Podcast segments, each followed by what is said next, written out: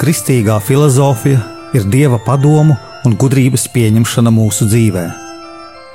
Mīlēt gudrību nozīmē mīlēt dievu, jo no dieva nāk patiesā gudrība. Raidījums Kristīgā filozofija.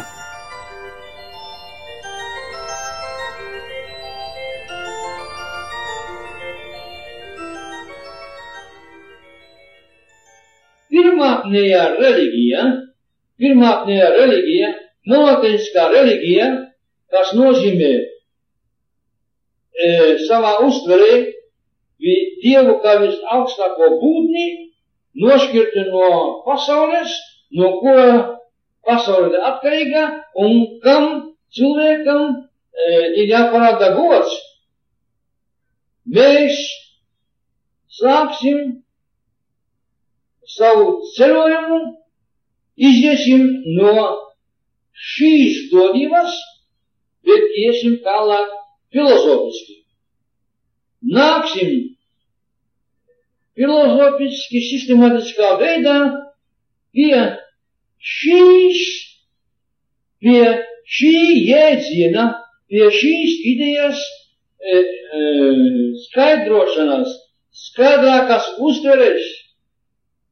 Redziet, ja pirmākajā nozīmē reliģija no, nozīmē Dievu kā visaugstāko būtni nošķirti no pasaules, no kuras pasaule ir atkarīga kādā veidā nav pateikts.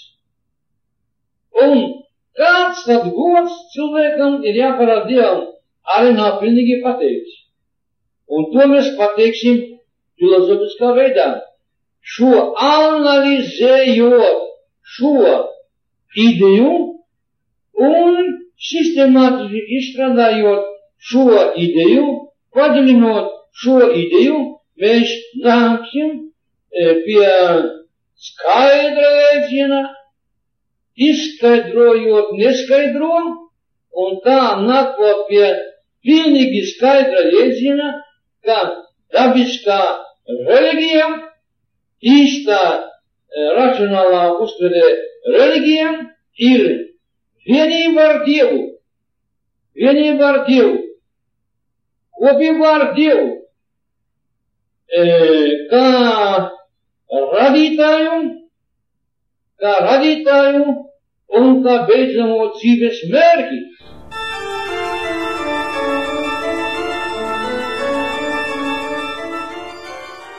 Labdien, cienījamie radio klausītāji!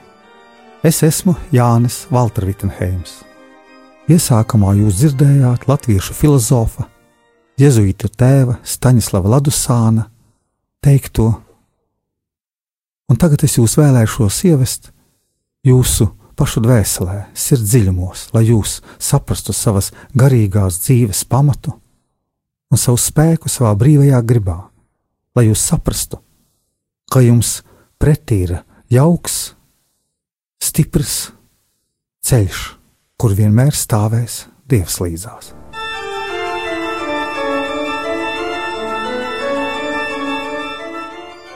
Ko nozīmē vārds reliģija? Daži domā, ka šis vārds reliģija ir atvasināts no latīniskā darbības vārda reliģere. Reliģere latviešu nozīmē atkal no jauna lasīt. Lasīt ar mīlestību, pievilcību no sirds. Daži atkal domā, ka vārds reliģija ir cēlies no latīniskā darbības vārda reliģere, kas nozīmē no jauna izvēlēties. Un trešā doma ir tāda, ka šis vārds ir atvasināts no religāra. Tas nozīmē saistīt no jauna, atkal iesaistīties stāties jaunās attiecībās, jaunos sakaros. Tā tad ir trīs apgalvojumi. Kāds ir labāks un kāds ir pareizāks? Jāsaka, ka vislabākais ir religāri.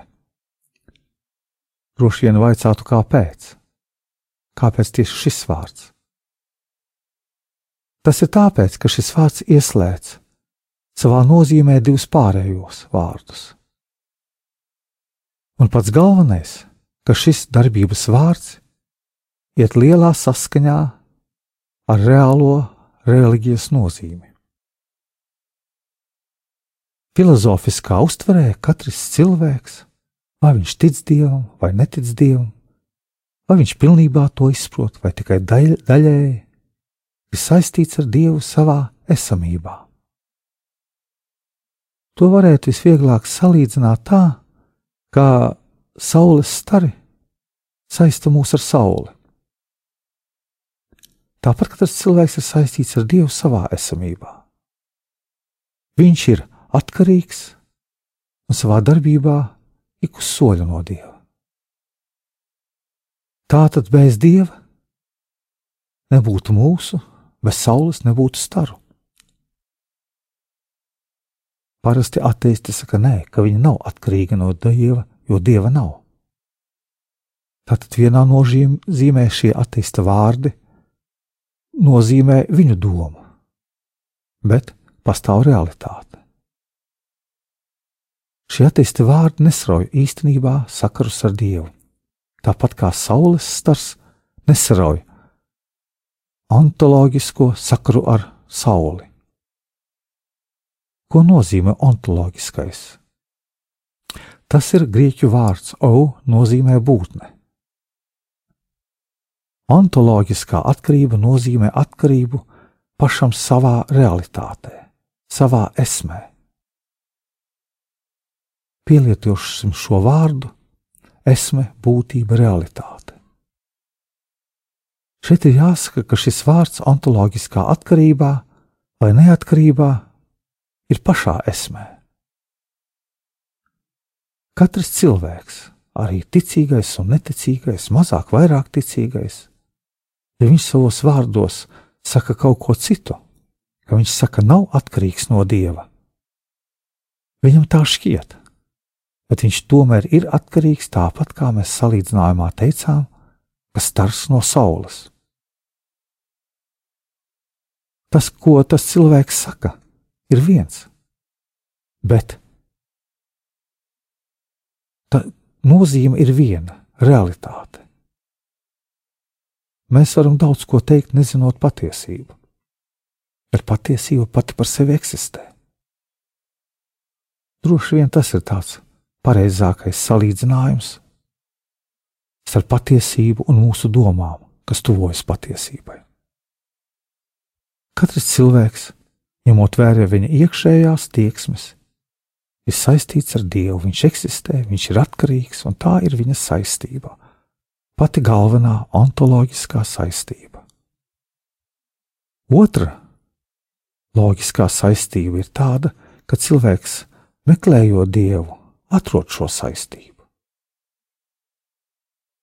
Jūs droši vien sajūtat šo sakarību. Pirmkārt, ir saistība, un otra, mēs ar prātu to atrodam. Tātad, prātojot, domājot, mēs atrodam to, ka mēs esam saistīti ar viņu. Šī sagatavošanās ir otrā saistība ar Dievu, kas pastāv ne tikai apzinīgajā, metafiziskajā pazīšanā, bet pašā galvenajā, ko Dievs mums dod - mīlestībā. Tāpēc arī šis vārds religāri tas ir saistīties no jauna, iet dziļā saskaņā un būtībā ar reālo reliģijas jēdzienu, un atrast atkal dievu. Atrast to dievu, ko mēs esam pazaudējuši, aizjot projām no paradīzes. Atrast to kopību, vienotību domās un censties pieturēties pie tām domām, ko Dievs mums dod. Jo ieejot šajā materiālajā pasaulē, mēs bieži vien atkal pazaudējam šo saistību.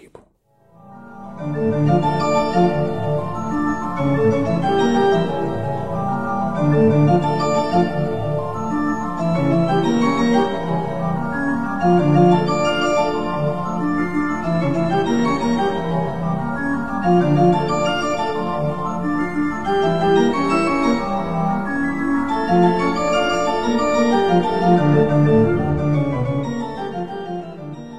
Ladu Sāns uzsver, ka mācība, par cilvēku ir atkarīga no gnozioloģijas, jeb izziņas teorijas. Tātad racionālismā, kas pārmērīgi autonomizē apziņu, humānisms tiek ieslēgts domāšanā. Humānisms pārlieku uzsver jutekliskās izziņas nozīmi.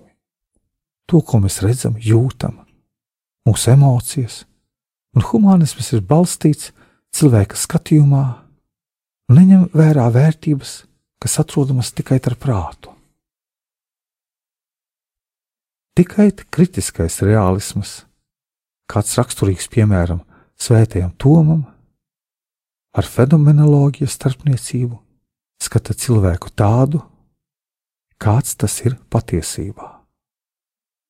Lūk, šis tomiskais skatījums ved mūs uz patiesību, un tas ir pamats humanismam, kas atzīst cilvēka eksistenci un saprot, ka prāts ir tikai daļa.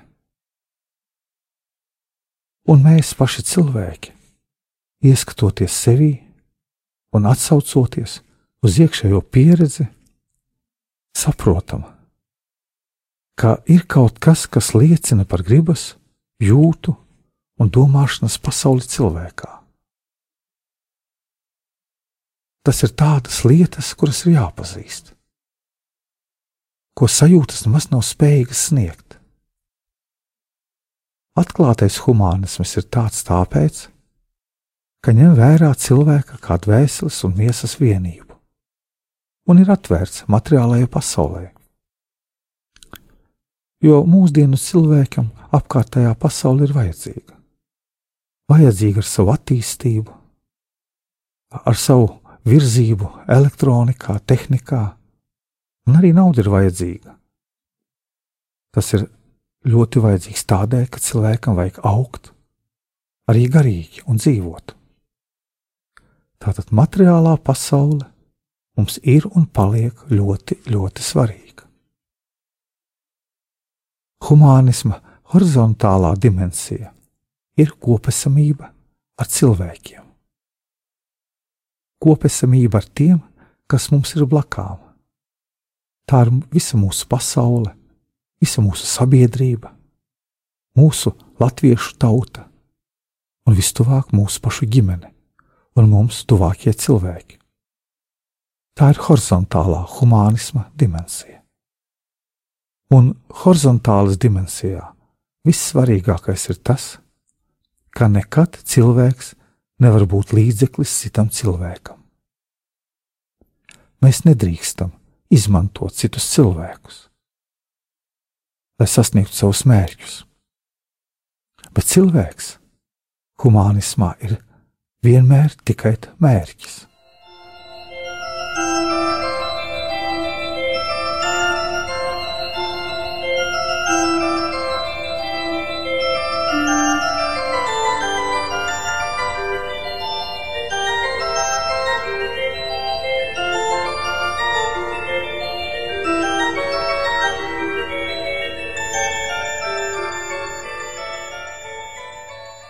Vertikālā dimensija liek saklausīt to, ka cilvēks un ārpus viņa ļoti daudzās vietās redz dieva esamību.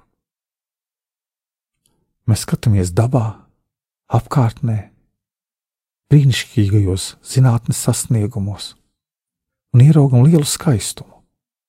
Redzam dieva esamību.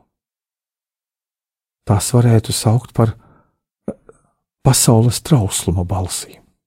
Šī pasaule ir trausla, laicīga un izzūdoša. Cilvēks neizbēgami atklāja, ka nav pašpietiekams. Viņš nepastāv tikai priekš sevis. Nepastāv cilvēka absolūtā autonomija, absolūtā neatkarība. Cilvēks pastāv nedrošībā un nenoteiktībā tā ir kontingence, un tā liek domāt, ka šī pasaule pastāv, protams, visapkārt, bet nav nepieciešama. Jo tā varēja būt, un varēja arī nebūt. Tāpēc cilvēka eksistence norāda uz kādu nepieciešamu būtni, ko mēs saucam par dievu. Par būtni, kur ir pilnīga, par būtni, kura var visu, un kas visu iekustina un spēj visam dot eksistenci. Atklātais humanisms kļūst kristīgais humanisms. Tas nav norobežotais humanisms, kā kanta teorijās. Cilvēka prāta ierobežotībai Dievs savā mīlestībā palīdz sniedzot atklāsmi. Jēzus Kristus atnākšana ir atvērusi mums jaunu pakāpienu sevis izzināšanā. Viņš ir mūsu skolotājs, kas rāda, kādiem mums jābūt. Un svētie raksti ir tie, kas mums atklāja, kā vajag dzīvot. Tā ir atklāsme. Un tas nozīmē ticības un prāta vienības principu. Varētu arī teikt, ka tā ir sadarbība starp tēvu mācību un mūsu domāšanu, starp teoloģiju un filozofiju. Pie tam filozofija ir autonoma, tāpat kā teoloģija. Tās ir divas dažādas lietas, bet pašas par sevi neatkarīgas. Un atklātais humanisms ved uz pasaules izzināšanu un uz centieniem padarīt šo pasauli labāku, palīdzot citiem un rodot spēku tanī, ko mums sniedz atklāsme. Izskanēja raidījums Kristīgā filozofija. Jūsu prātam, jūsu sirdī, jūsu dzīvēm